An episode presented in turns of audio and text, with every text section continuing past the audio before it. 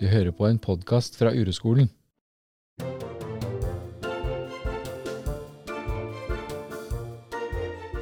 Ja, da sitter vi her på kontoret. Monica og jeg, som har Nei, ikke nå-podkast. Og vi har Kaspar Seip som gjest igjen. Velkommen. Tusen takk.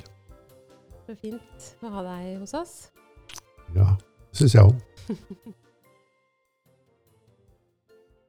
I går så snakka du og jeg sammen på telefonen, Kasper. Fortalte jeg deg at uh, hunden vår, Lotta, har fått kreft i magen. Mm. Jeg kjenner at jeg blir urolig bare av å si det. Ja. Mm. Trist. Og vi, vet at, og vi har fått beskjed om at hun snart skal dø, da. Ja. Hun har en svulst i magen som tar nesten hele magen. Og så sa du kan vi ikke lage podkasten kreft? For vi skulle lage podkast i dag. Så um, er vel litt sånn nå at vi vet ikke helt hvor veien inn i denne podkasten går, eller gjennom den. Men det er jo litt som uroen. Så vi kan jo bare begynne ja. et sted. Mm. Jeg har jo um, i hvert fall kjent noen som har dødd av kreft. Og jeg kjenner noen som har det nå.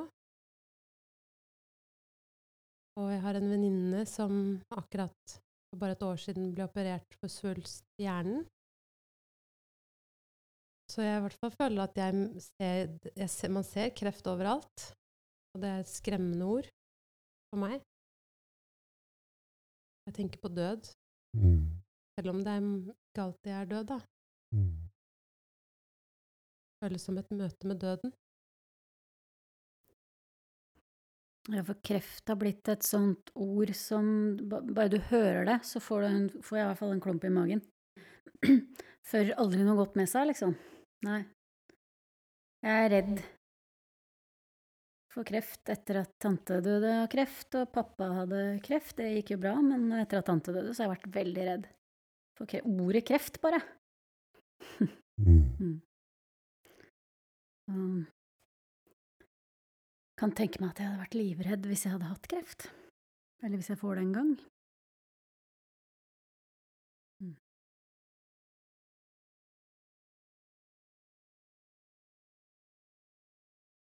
Jeg kom plutselig til å tenke på, Rikke, at du Den gangen vi traff hverandre, så hadde du vært gjennom eh, Du hadde vært gjennom eh, noe som kan ligne på veldig alvorlig sykdom. For du mistet det ene barnet ditt.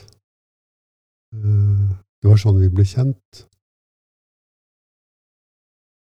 Og det bare liksom eh, Det slår meg hvor mye det har til felles med den erfaringen, da. Det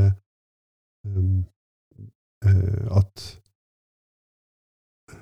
det er jo mange ting vi gjerne vil slippe å oppleve. Men det som er helt sikkert, er at vi bestemmer det ikke selv hva vi kommer til å oppleve. Enda så flinke vi er til å navigere i verden, liksom, så kommer det sånne hendelser som du opplevde da, og som jeg har opplevd i mitt liv, og som mange venner, eller mange mennesker, opplever da, at det kommer ja, kreft eller krig eller død eller alvorlig sykdom eller stor smerte inn i livet. Så jeg har litt erfaring med, med det, at eh, folk opplever sånne At det skjer, da, smertefulle ting som vi Og det som skjer, er jo alltid at helsevesenet og vi selv i Norge da, kommer på samme lag. Og det laget, det vil forsøke å eh, bekjempe denne sykdommen. Sant? Eh, og at det er blitt en veldig Og det er veldig lett å forstå. Og det har blitt en stor industri, og det er blitt også noe som fyller oppmerksomheten vår veldig. Da. Og hvis vi tenker et, å snakke om kreft i et uroperspektiv, så syns jeg det er interessant at bare ordet, vi nevner ordet kreft, så fylles synsfeltet av det. Eller oppmerksomhetsfeltet, da.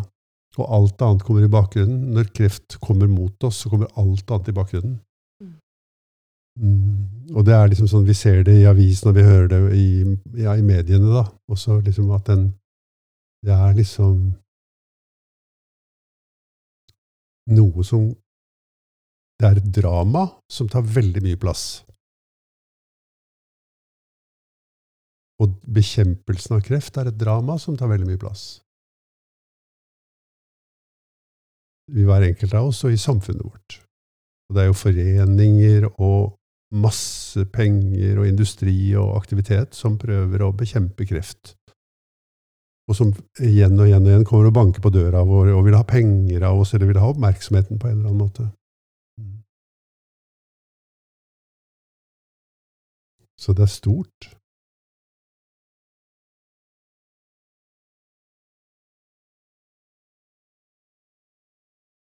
Jeg tror jo at eh, hvis vi bruker det perspektivet vi har, da, vi forsøker å se det sånn, så, så er i hvert fall det som interesserer meg veldig mye, er egentlig hvordan bekjempelsen av kreft, kampen mot kreft, eh, behandlingen av kreft, diagnostiseringen av kreft, undersøkelsen av kreft, hvordan alle de tingene tar våre ressurser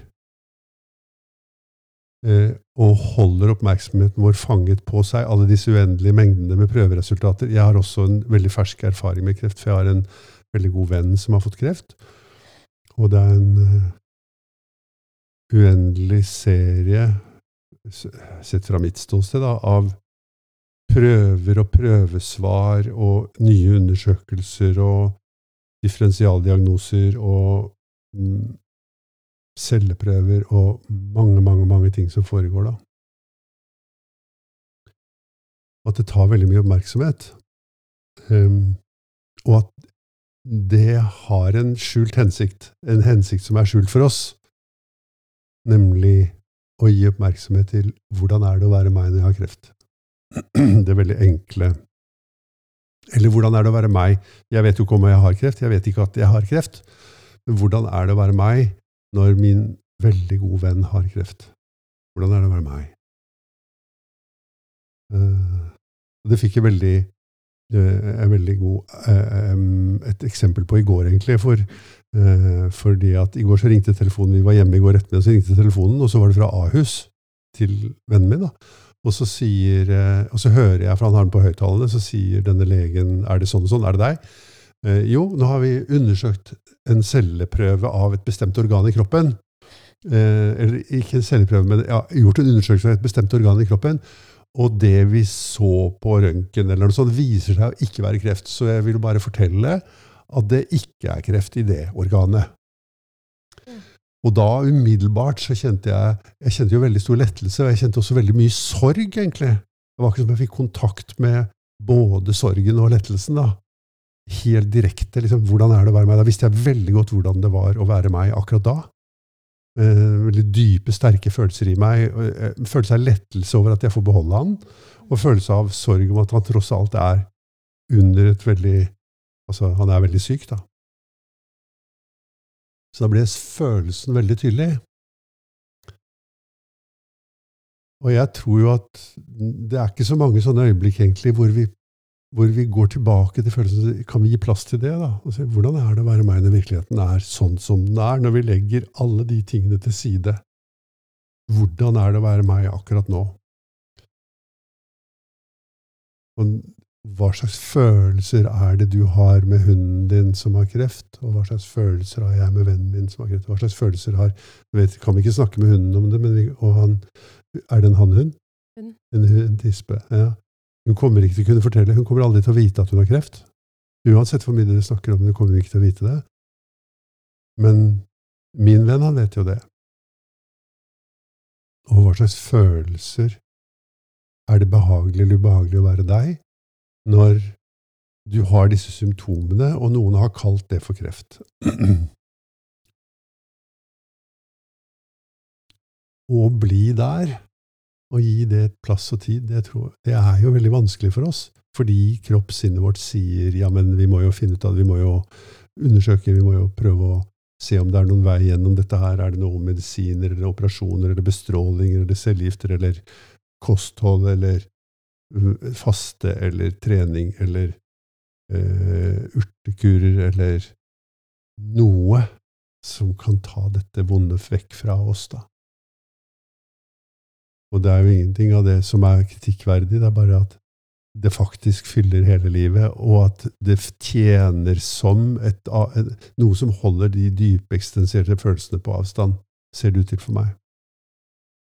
Men tenker du, hvis, hvis, du sier at du skal legge det til side, tenker du at man ikke skal holde på med de greiene der? Nei. Fordi er ikke ja. det en slags overleve... Jeg tenker det vil jo folk lure på. Skal jeg slutte å ta cellegift, da? Og prøver og kosthold og alt det der? Ja, det er selvfølgelig det spørsmålet som vi får om igjen om igjen, vi som driver med dette uroperspektivet. da. Og svaret på det, det korte svaret er nei. Og det lange svaret er at det å vende seg mot disse eksistensielle følelsene har en verdi. Eh, si, det, ja, alle de tingene går sin gang, men er det mulig å skape det, eh, den stillheten eller det rommet hvor vi også går med oppmerksomheten vår til dette? Og det er ikke så lett, da. Å komme dit i det hele tatt. Det har jeg erfart flere ganger med folk som har vært dødssyke, egentlig. Um, fordi det har en eh, eh, Det er jo ikke en teoretisk erfaring, dette her. Dette her er jo en en dyp personlig erfaring som jeg har, og en erfaring som jeg har sett med mange mennesker, at det å vende seg mot disse eksistensielle, dype følelsene i kroppen eh, gjør eh, at vi får fred med virkeligheten som den er. Og det å ha fred med virkeligheten som den er, betyr jo ikke nødvendigvis å ikke prøve å bli frisk, men det betyr at det er faktisk, man er mer intelligent og mer kreativ og mer eh, Denne freden til og med kanskje bringer jeg, tror at den bringer med seg en grad av helbredelseskraft i seg selv. At virkeligheten er som den er, og jeg kan være med virkeligheten, også når virkeligheten gjør veldig vondt. Og at kanskje til og med et sted der inne så forsvinner, fordamper, avtar frykten for døden. At vi kan akseptere at vi er dødelige og skal dø. Også, til og med jeg, som er så gammel som jeg er, går rundt og tror Veldig mye av tiden så er døden helt fjernt. ikke sant? Det er noe som jeg ikke um, Det gjelder ikke meg. Men faktum er jo eller faktum, altså virkeligheten som vi kan komme til å få føle, er at jeg godt kan dø før min venn av en, noe annet, eller av kanskje, kanskje jeg har kreft, for den saks skyld. Men hvordan er det å være deg, da? Når, du, når vennen din er syk? Det er, det er, jo en følelse av tap, som jeg kjenner da. Sorg og tap over at noe skal ta slutt. Uh, Og at liksom Ja, det er, det er mye detaljer inni det, men det er eh, jeg, Og det er også sånn at jeg er redd for at han skal lide, og at vi skal lide sammen, og at det skal bli forferdelig. Eh, frykten for fremtiden i, dette kreft, i kreftens tegn. Eh, men det aller meste med bare Kanskje jeg mister han nå. At eh, vi blir adskilt, da. Det er det. Det er akkurat som følelse, en, en, opplevelse av å bli avbrutt i noe som er viktig. Ja. Og noe som jeg ikke er Jeg er liksom ikke forberedt på å gi fra meg han. Og det er jo egentlig helt dustete. Det er helt forståelig, og så er det helt dustete, for jeg må gi fra meg han. Mange ganger har jeg jo måttet gi fra meg han, at han har gjort andre ting enn meg, vært andre steder enn meg, gitt oppmerksomhet, kjærlighet til andre ting enn meg.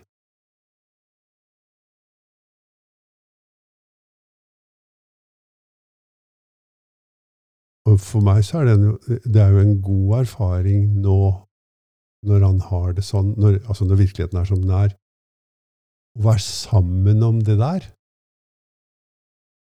Liksom å kjenne den kjærligheten og den, det brorskapet vi har, og gi det plass som noe vi vet om, da. Det blir så tydelig, liksom, at det er smertefullt å gi det opp.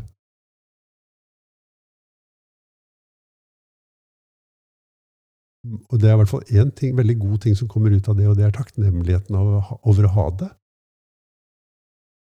Opplever jeg jo når han er hos meg, han bor hos meg for tiden. Og da kjenner jeg jo den mange ganger hver dag, den takknemligheten over det eh, inderlige vennskapet vi har, da.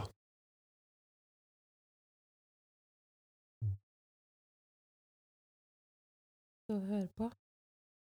Så sterkt. Ja. Så det, da må jeg kommentere det òg, vet du. Uh, at det, eh, det, der, ja, det er sterkt. Det betyr Vi blir inderlig engasjert i livet takket være den kreften, da. Istedenfor at vi holder på å pjatte, liksom.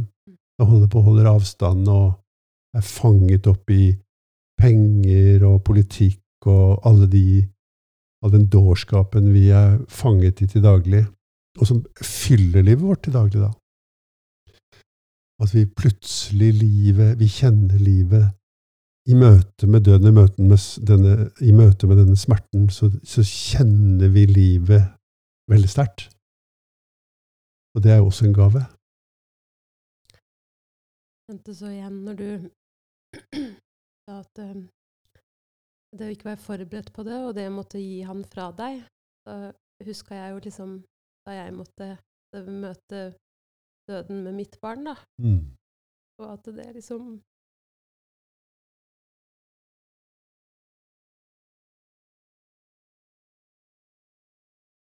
Følelse av at jeg kan jo ikke gjøre det, liksom. Nei. Nei. Men jeg kunne det. Mm.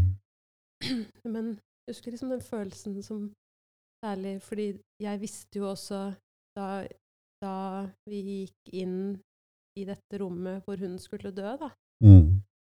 Jeg visste jo at hun skulle dø, ikke sant? Litt som Selvfølgelig så vet jo ikke du det på samme måte, men dere er jo med vennen din er jo også en møte med døden, da. Man ser mot ja. det. Liksom følelsen av jeg, Nå lever hun, liksom, og jeg skal gå inn her. Og når jeg skal gå ut, så skal hun ikke leve lenger. Bare sånn husker jeg liksom tenkte hvordan Jeg kan jo aldri gå herfra, på en Mm. måte. Kan aldri Jeg kan jo ikke, kan ikke klare det.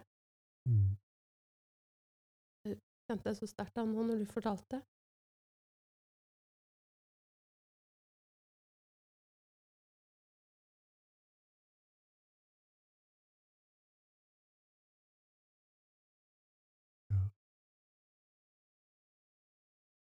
Og det var jo også helt irreparabelt.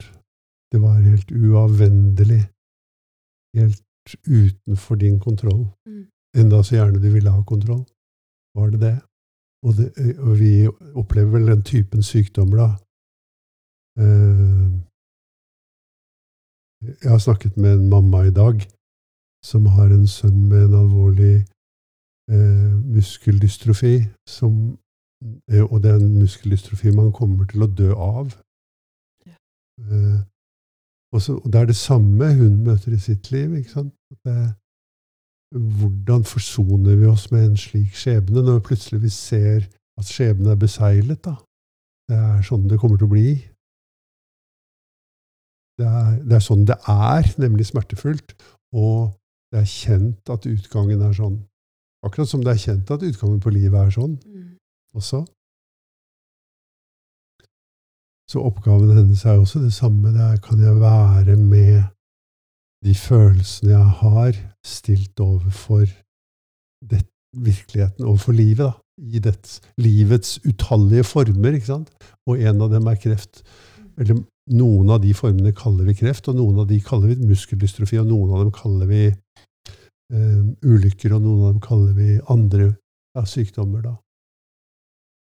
For det er jo fort når man når man da har et barn sånn som henne, eller sånn som jeg hadde, da, som du vet skal dø, eller du møter kreft, eller Så er det Jeg tror jo det var sånn for meg at jeg prøvde å holde det ut. Ikke sant? Jeg klarte jo ikke å Jeg var nok sammen med det der og da når det skjedde, men før det skjedde, så tror jeg jeg bare holdt ut. Mm. Og det vil jeg jo tro at denne mammaen sikkert har gjort mye av, å holde det ut, eller at når man har, får kreft, enten om det er meg eller vennen min, og liksom holder ut til det er over, eller holder ut til du har, forhåpentligvis har blitt frisk, eller Ja.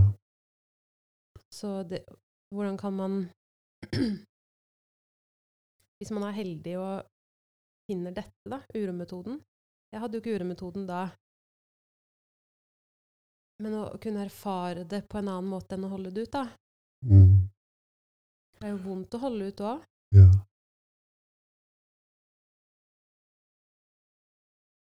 Um,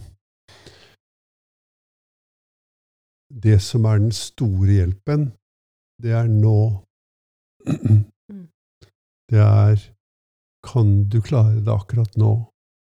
Fordi det er et møte med virkeligheten, mens å holde ut er et møte med tanken om virkeligheten. Eh, fordi vi, vi ser Når vi sier det er ikke til å holde ut, så ser vi inn i fremtiden. Vi tenker, for, tenker oss hvordan det kommer til å bli.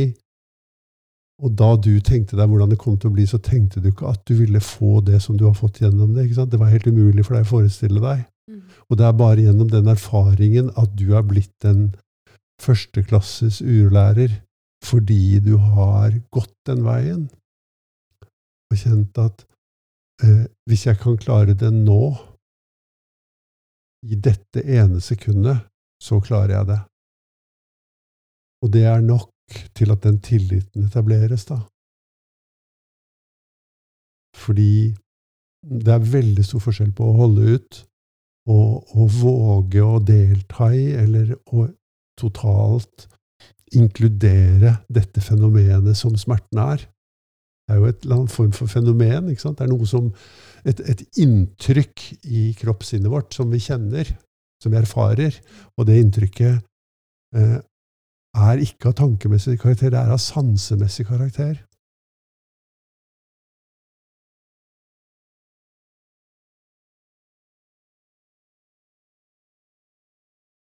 Og når, vi driver og tenker, når vi sier det er ikke til å holde ut, så går vi fra det sansemessige til det tankemessige. Og så tenker vi om fremtiden. Og det gjør jo veldig vondt å tenke om fremtiden.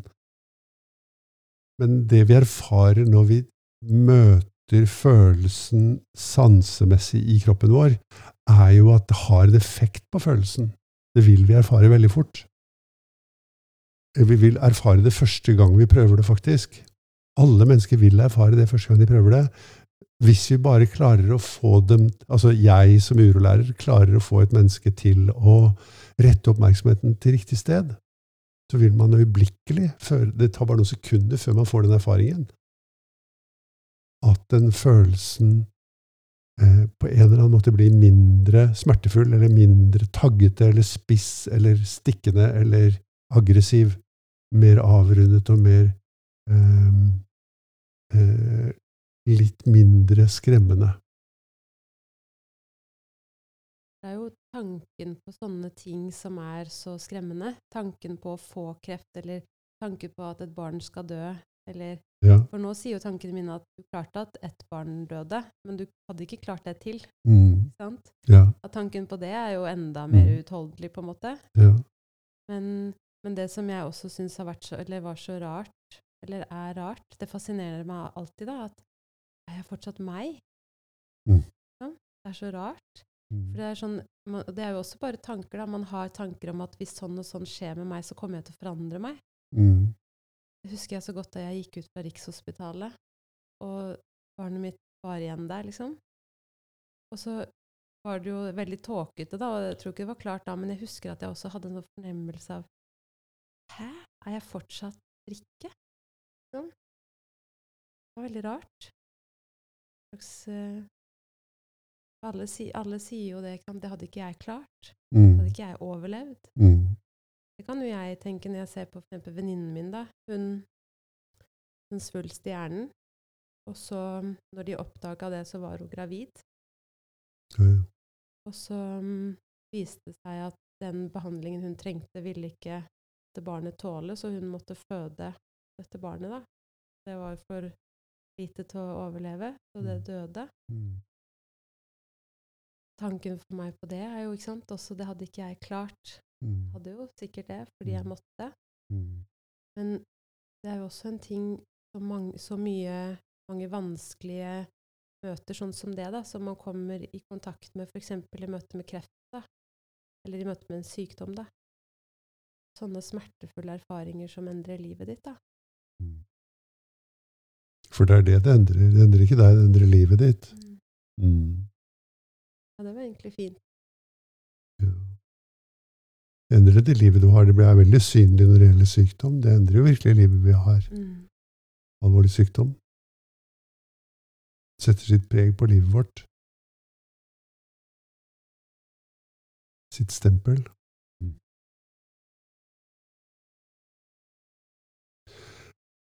Men nå sa du noen ting også, og det var at jeg hadde kanskje klart det fordi jeg måtte. Um, hva, hva betyr det å måtte?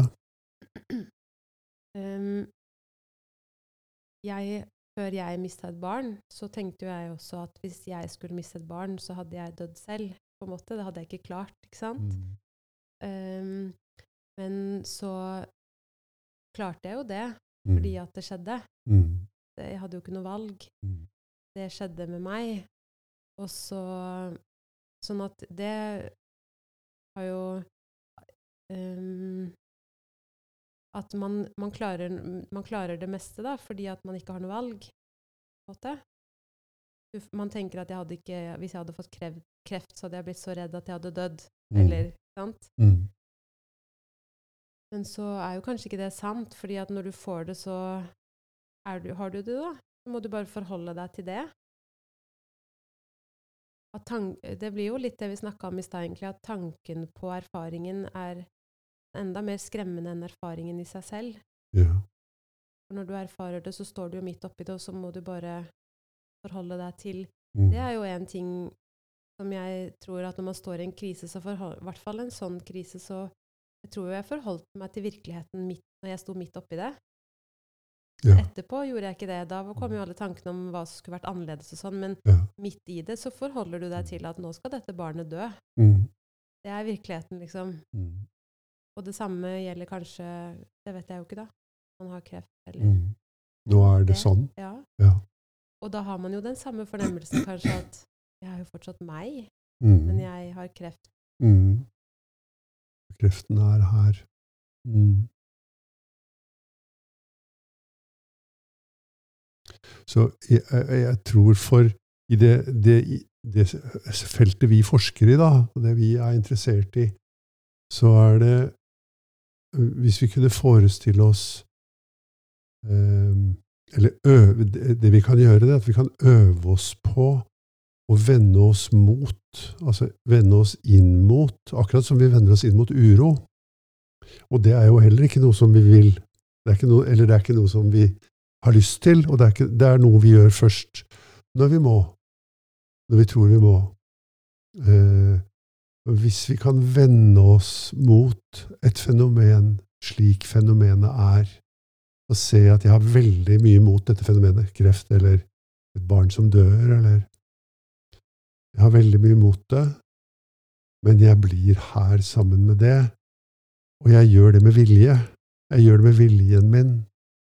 Jeg vender meg mot uroen med viljen. Jeg vender meg mot den, eh, dette som er inni meg, og som har kontroll på en måte i kroppen min, og som jeg ikke har kontroll over. Jeg vender meg mot det, og så sier jeg til det Jeg har alltid vært imot deg. Akkurat som vi sier til uroen. Jeg har alltid vært imot deg.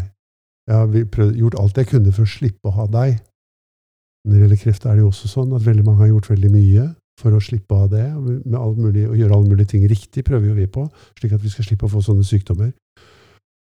Jeg har gjort alt jeg kunne for å slippe ha deg, og du er her allikevel.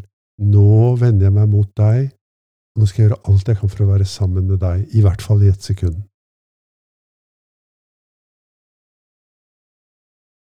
ikke forsøke å ta deg bort. Ikke forsøke å tenke meg frem til en løsning. Men så godt jeg kan erfare virkeligheten når virkeligheten er akkurat som den er. Jeg vil jo tro at hvis man Min mor hun døde, døde av kreft. Da var hun 84 år, så det var jo mange ting som skjedde. Men hun døde av kreft i munnhulen. Eh, eh, og det var jo veldig sansbart for henne. Hun kunne ikke snakke lenger. Det var vanskelig å puste, vanskelig å spise. Det var mange sånne ting. Så det var et fenomen som var veldig sansbart. Men jeg tror jo også mange kreftformer de er relativt lite sansbare før ganske langt ut i forløpet. da. De lever sitt skjulte liv.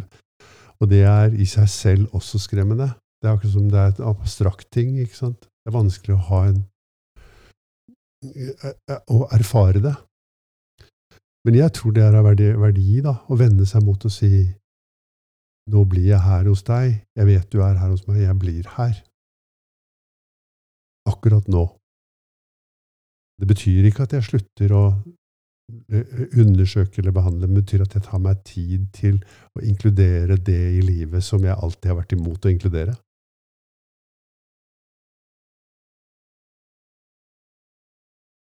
Ja, fordi at um, Nå tenker jeg bare på eget forløp med syke barn. Jeg hadde jo sykt barn lenge også, da, etter at hun døde. Etter, da var jo Andreas veldig syk. Men, men da jeg jo, gjorde jeg jo ikke det. Jeg kjente jo ikke til den muligheten. Men, men, og det vil jeg jo tro, det gjelder jo sikkert mange, enten at man ikke kjenner til muligheten, eller at man ikke kommer, klarer å få kontakt med følelsen i kroppen. Mm. Uh, og det hadde jo store konsekvenser etterpå. At jeg, drev og, jeg holdt ut alt det som skjedde i mange, mange måneder. Og så ble jeg deprimert og mm. fikk det veldig vondt etterpå, ikke sant? Ja. Og jeg, nå, eller jeg vet jo at det handler om at jeg ikke Jeg klarte jo ikke å kjenne det underveis. Mm. Men um, det ville jo vært en gave, da. Um, hvis man har kreft, eller sånn som hun moren nå, da. Tenk at hun får komme til deg og få lære å kjenne det mens hun kan, på en måte, men, mens det foregår. Ja.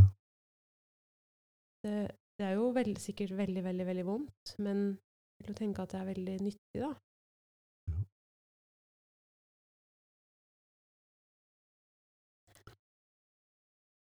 Ja, det er det vi kan tilby, da, eller tilføre i en sånn situasjon. Det er akkurat dette. At, at det har en verdi, å vende seg mot den delen av virkeligheten som vi automatisk vil bekjempe da.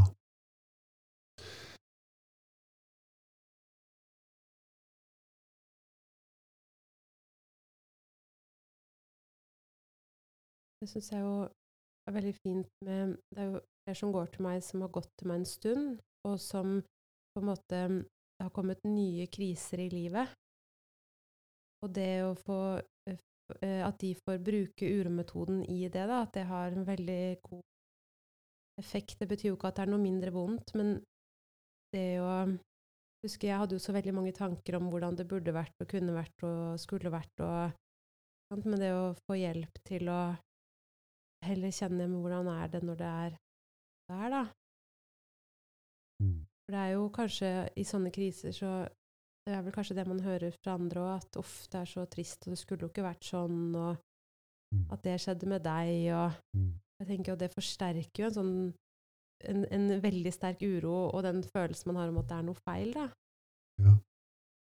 Og i det så holder man den virkeligheten man har, på avstand.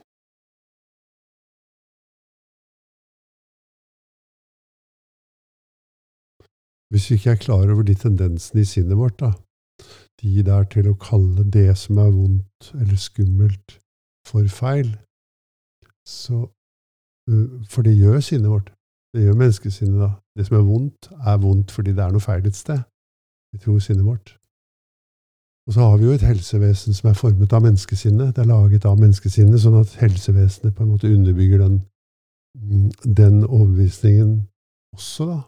At når noe er vondt, så er det fordi at det er noe feil.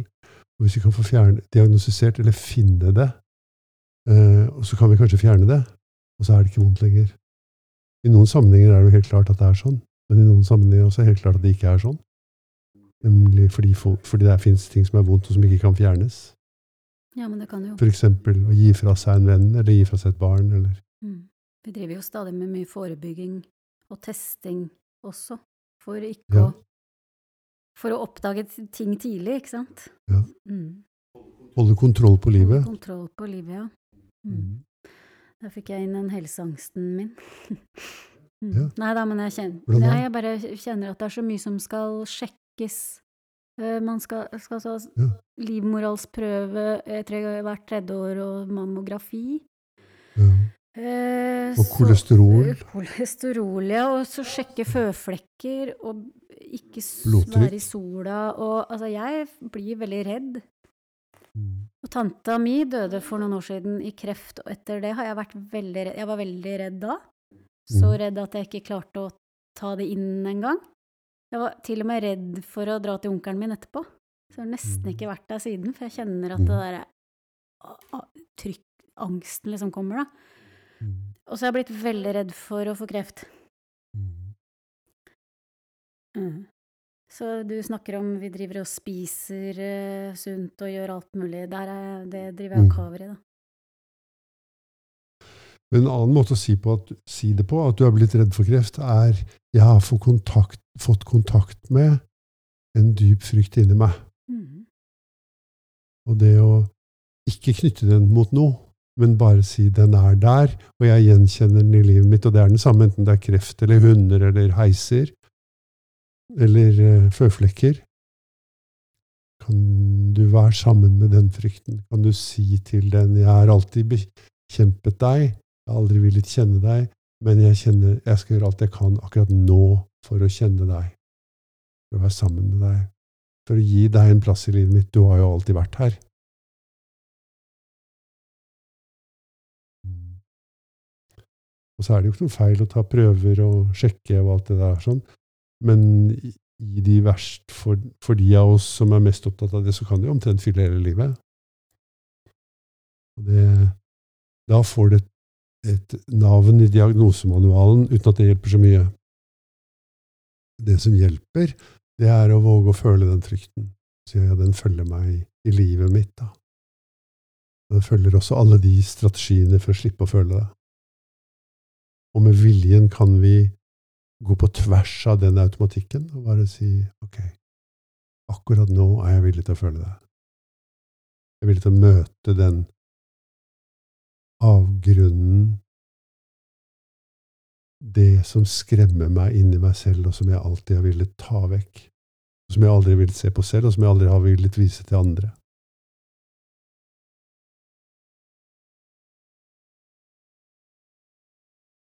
Det samme syns jeg, og jeg hører Jeg kjenner jo mange som har hatt kreft, og som er ferdig med behandling, da. Og at det der kommer nok igjen veldig sterkt etter du er ferdig med behandling òg, ikke sant? At du Nå er det tre måneder til du skal på kontroll igjen. At, den, at det er veldig, også veldig mye frykt. Og ja, jeg, de sier at jeg er frisk nå, men det er jo et møte med det samme, egentlig, da. Jeg er redd. Mm. Dyp frykt. Ja. Bli sittende der. Mm. Det er ganske vanskelig. Fall alene. Ja. Ja, det er helt umulig å finne på det selv. Mm. Eller det er sikkert ikke umulig, men det er sjelden. Vi finner på det selv og går på tvers av sånne dype automatiske overlevelsesmønstre. For det er jo bare det det er. Overlevelsesmønstre. Og de er til og med veldig dårlig fungerende overlevelsesmønstre. Hvordan da, tenker du? Eh, Det hjelper. Man overlever ikke noe mer selv om man holder følelsene på avstand. Man er bare litt mindre tilfreds underveis, Ja. kanskje? ja. Man overlever med et mer innskrenket liv, mindre givende og mindre tilfredsstillende liv. Det er jo derfor vi sitter og snakker om det, fordi vi er opptatt av det tilfredsstillende livet. Eller å være tilfreds med livet. Da. Og at veien til det går gjennom å ta inn over seg virkeligheten. Våge å se på virkeligheten. Se, er det ikke, er, kan det være sånn at jeg kan klare å ha det sånn som jeg har det akkurat nå? Akkurat nå. Uansett hva det er som er i hva, Uansett hva jeg erfarer.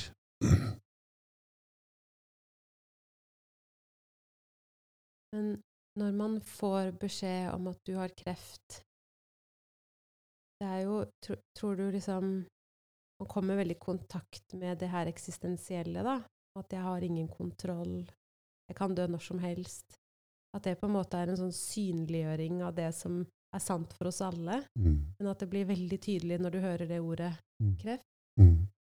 tenker på ja, Lotta, da, hunden vår, som, som for noen uker siden vi fikk vite at hun har kreft og kort tid igjen å leve. Det hadde hun jo for enda noen flere uker siden før det.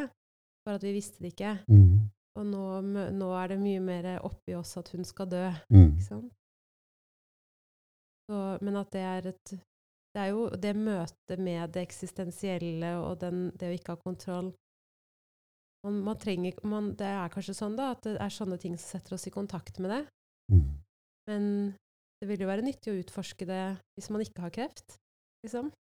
Ja. Eller for oss som sitter her, da. Eller ja. å utforske det, møte det, nærme seg den virkeligheten, da. Det er jo litt som du sa i stad, du går jo ikke rundt og tenker på hele tiden at du skal dø. Eller jeg går ikke og tenker på det. Nei. Det er jo sant. Det er vel ikke det at man skal gå, trenger å gå og tenke på det hele tiden, men kanskje det kan være nyttig å utforske det allikevel. Mm.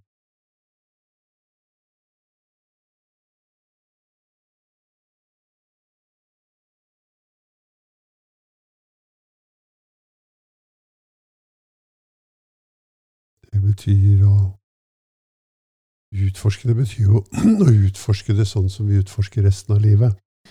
Bare så in- inkludere det i det å delta i livet, inkludere også det å delta i døden. Og så lever vi jo i en kultur som forsøker å ikke gjøre det, da. Altså på en måte isolerer døden til noe som skjer utenfor synsvidde. Og ikke gi det så mye oppmerksomhet. Så jeg tror jo at det er en veldig verdifull ting å si jeg vil gjerne inkludere døden også i livet. For det er jo en del av livet. Det er det vi erfarer i livet. Det er at livet ender med døden, både for oss selv og for alt annet. Og det å gjøre det med vilje, det tror jeg er veldig berikende. Det har vært det for meg, i hvert fall. Vondt og berikende. Jeg var en dag som jeg skulle hente um, Andreas i barnehagen. Han var fire og et halvt, da. Så hadde de, det var samenes nasjonaldag, så i barnehagen så hadde de sett en eller annen video om samisk kultur eller noe sånt, og det, jeg husker ikke helt det, men det er, det er noe sånn, det het noe sir, Livets sirkel, hvor de da hadde snakka om alt dette. Og så kom hun ene som jobber i barnehagen og fortalte meg at de hadde snakka om det, og da, da hadde de jo snakka om døden. Og da hadde Andreas eh, fortalt at han hadde en søster, og, og hun var død. Mm. Og at de hadde vært ligget i magen til mamma sammen, og så sa hun at han hadde fortalt det med sånn stolthet. Ja. Og syntes jeg var så fint. Ja.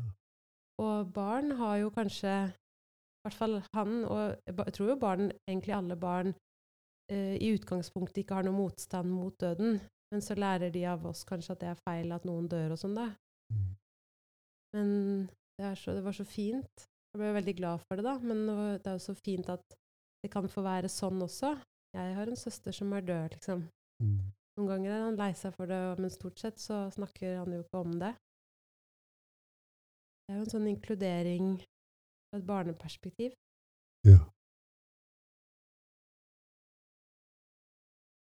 Det er jo noe med den motstanden som vi har, da, som barn kanskje ikke har. Som vi har lært. Mm.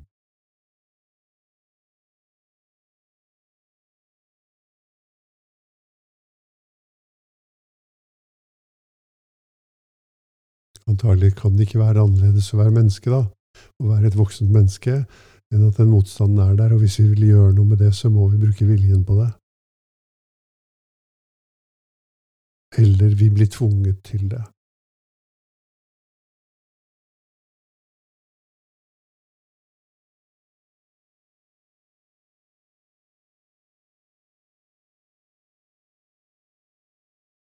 Fint.